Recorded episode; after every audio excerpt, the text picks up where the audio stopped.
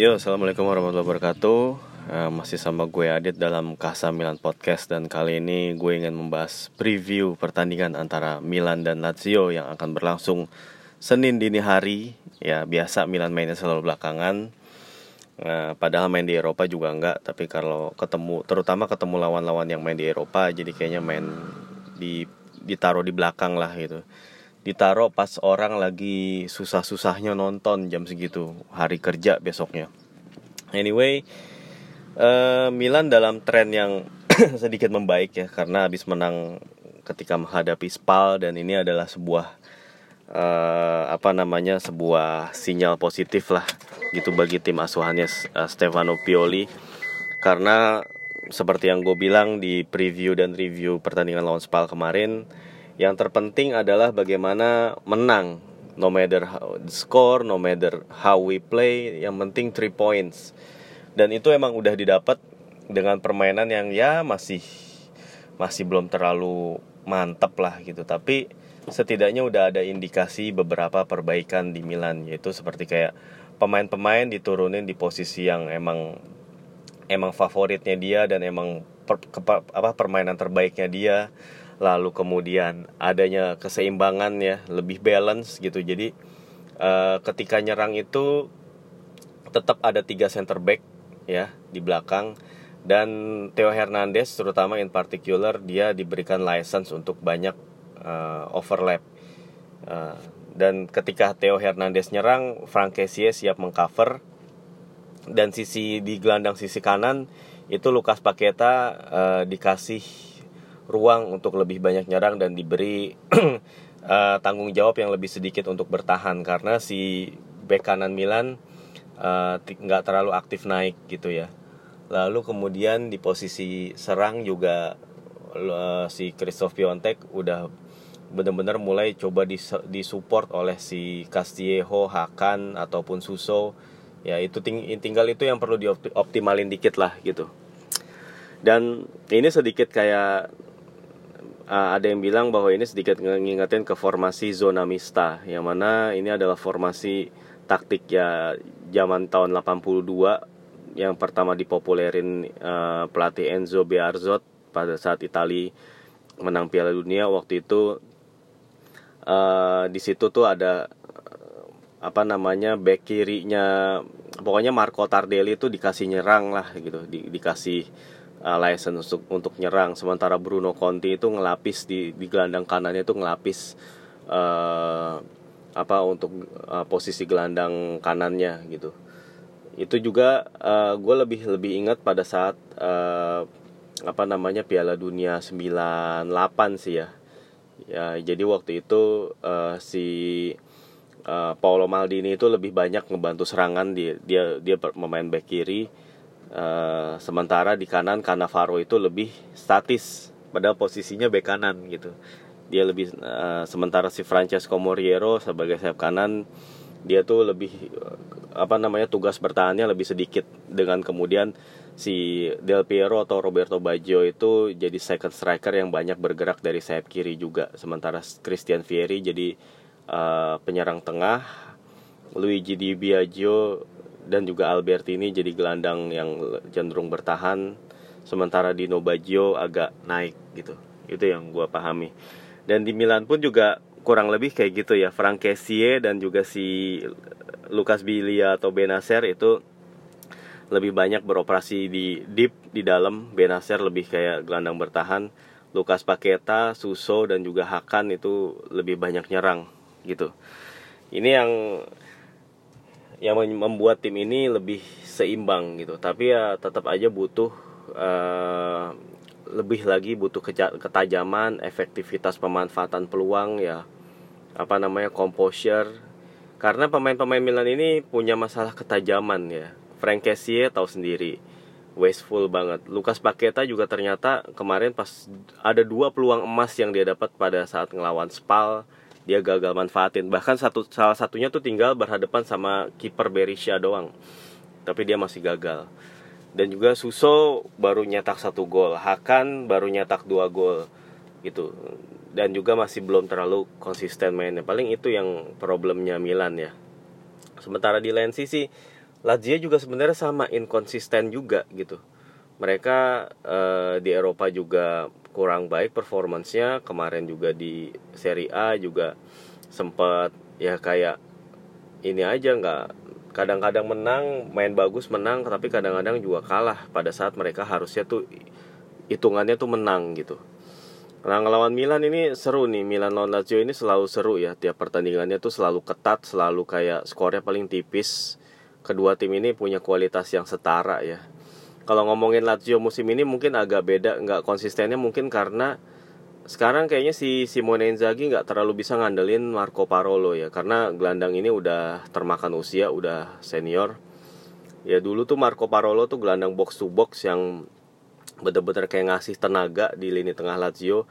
Dia bi bisa berani bantu nyerang uh, bisa juga bertahan bahkan pada saat eralnya si Pioli itu ngelatih Lazio Marco Parolo itu bikin 10 gol di tahun tersebut gitu dan akhirnya jadi andalan di Piala Dunia 2014 yang sayangnya Itali nggak lolos penyisian grup uh, tapi kemudian uh, setelah Parolo itu mengalami penurunan dan Lazio itu nggak invest ke posi di posisi gelandang ya musim ini yang seperti karakternya Parolo. Akhirnya si Simone Inzaghi itu kayak agak sedikit ngubah uh, cara berpendekatan Lazio itu jadi justru jadi, jadi lebih nyerang karena uh, formasi masih sama antara 352, 3511, 3421. Pokoknya kayak shape-nya tuh bisa diatur lah gitu. Tapi pemain yang diturunin itu lebih banyak yang bernaluri nyerang. Karena Lukas Leiva di tengah itu ditemenin sama Sergej Milinkovic dan juga Luis Alberto yang dimundurin ke situ. Dan Lazio memasang uh, Joaquin Korea di posisi yang sebelumnya ditempatin oleh Luis Alberto. Jadi Joaquin Korea berada di tepat di belakang Ciro Immobile sebagai striker. Lalu di wingback seperti biasa ada Senat Lulic dan ada Marusic. Uh, Marusic ini juga kelihatannya menggeser posisi Manuel Lazzari ya. Ternyata Manuel Lazzari masih belum kayak nemuin performa bagusnya seperti pada saat dia memperkuat Spal.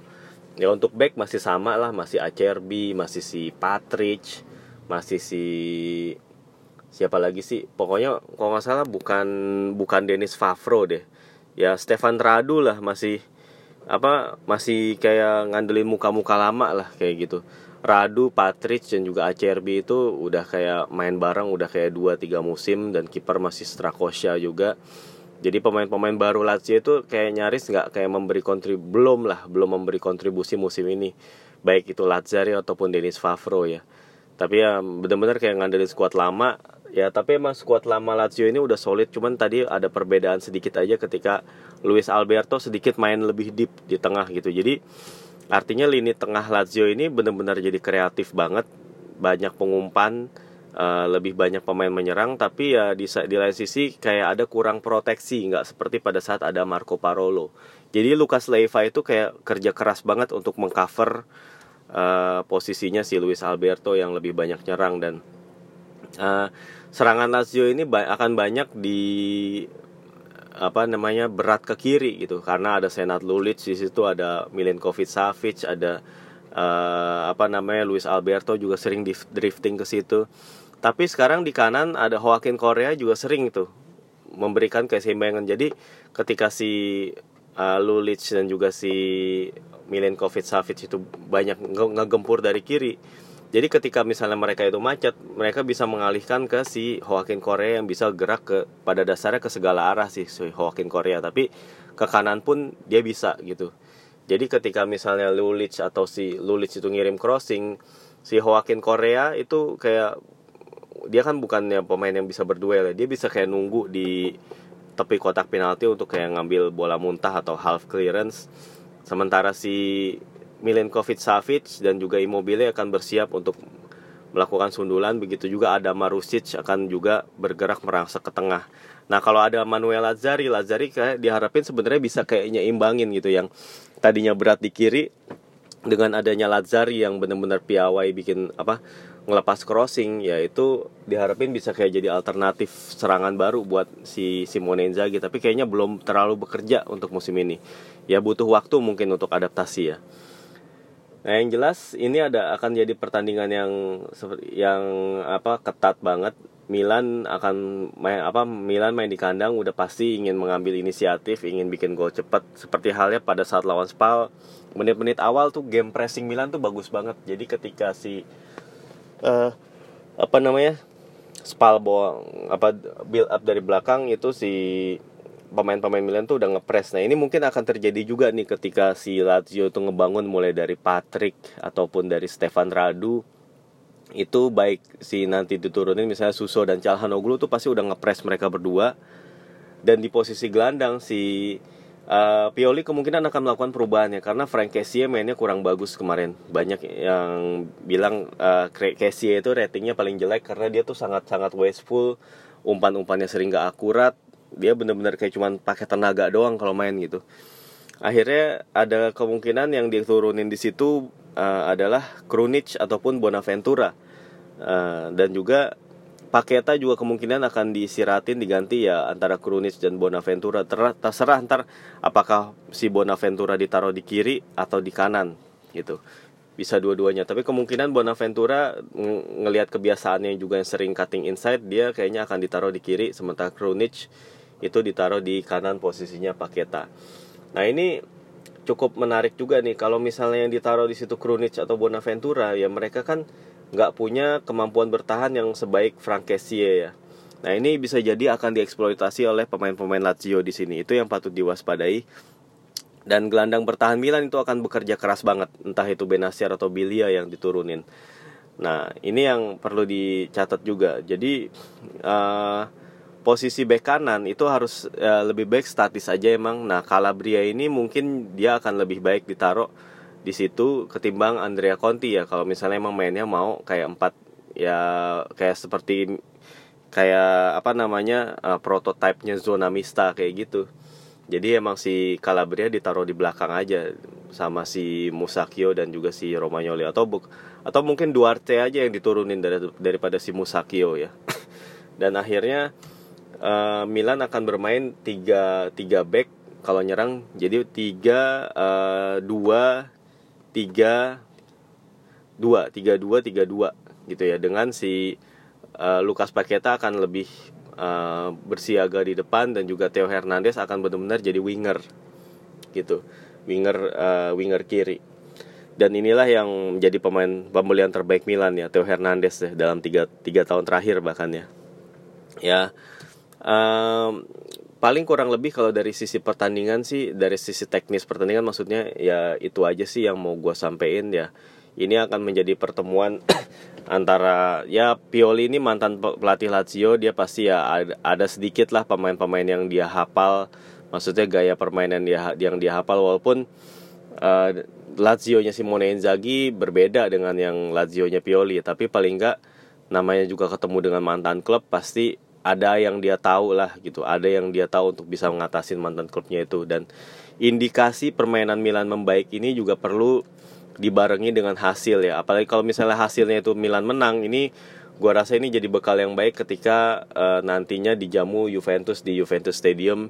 Dan abis itu kan ada jeda ada international break lagi gitu. Jadinya ya mengumpulkan poin sebanyak banyaknya itu adalah hal yang bagus ya. Karena supaya nggak semakin tertinggal jauh dan juga ya jadi bekal buat kalau ketemu tim-tim yang kuat gitu. Karena Milan ini kalau ketemu tim-tim kuat tuh kalah mulu lah. Ketemu Inter kalah ketemu Roma kalah Fiorentina juga kalah Torino juga kalah.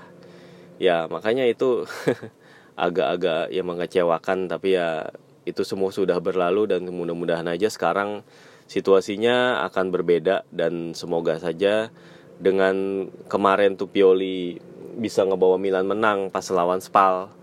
Ya mudah-mudahan itu kayak jadi bekal jadi kayak fondasi lah gitu. Dan perlu juga di apa intensitas pressingnya tuh lebih diperbanyak lagi. Nggak cuman kayak 15 menit awal dan juga 15 menit awal babak pertama dan kedua. Tapi habis itu ya pressingnya kayak hilang kemudian gitu. Dan menurut gue emang perlu gelandang seperti Benasir yang pintar ngalirin bola ke mana-mana nggak seperti Bilia yang lebih mainnya lebih kayak cuman main aman dan juga apa namanya nggak banyak uh, yang dia bisa lakukan untuk kayak uh, playmaking kemampuan playmaking dia yang udah jauh menurun gitu menurut gue. Benacer tetap harus dimainin lah. Dan Lukas Paketa semoga aja bisa nemuin ketajaman pada saat dia dimainkan Krunic juga gua rasa sih dia bisa kayak ngasih kayak warna baru. Juga Bonaventura udah pasti dengan teknik dengan dengan atribut skill yang dimiliki itu itu juga pasti jadi bagus. Dan kita bisa lihat Milan ada ada sedikit peluang lah untuk menang. Tapi walau pertandingan berakhir seri juga ini ada kemungkinan karena Lazio ini punya penyerang yang sangat berbahaya. Ciro Immobile lagi on fire banget. Selama bulan Oktober dia bikin 8 gol dia jadi pencetak gol terbanyak uh, dibandingin ya di Eropa lah ya. Ini bisa jadi dia calon top skor lagi dan Immobile akan selalu berbahaya. Dia sering juga bikin gol ke gawang Milan. Ini yang patut diwaspadai ya. Kalau emang yang jagain si Immobile itu si Musakio aduh gua agak-agak ngeri sih. Mendingan yang jagain dia Romagnoli atau si Duarte aja lah. Itu. Itu sih yang pengen yang jadi concern gue ya. Immobile Luis Alberto Milinkovic Savic itu pemain bahaya banget. Belum lagi Joaquin Korea itu juga sangat lincah dan sangat skillful.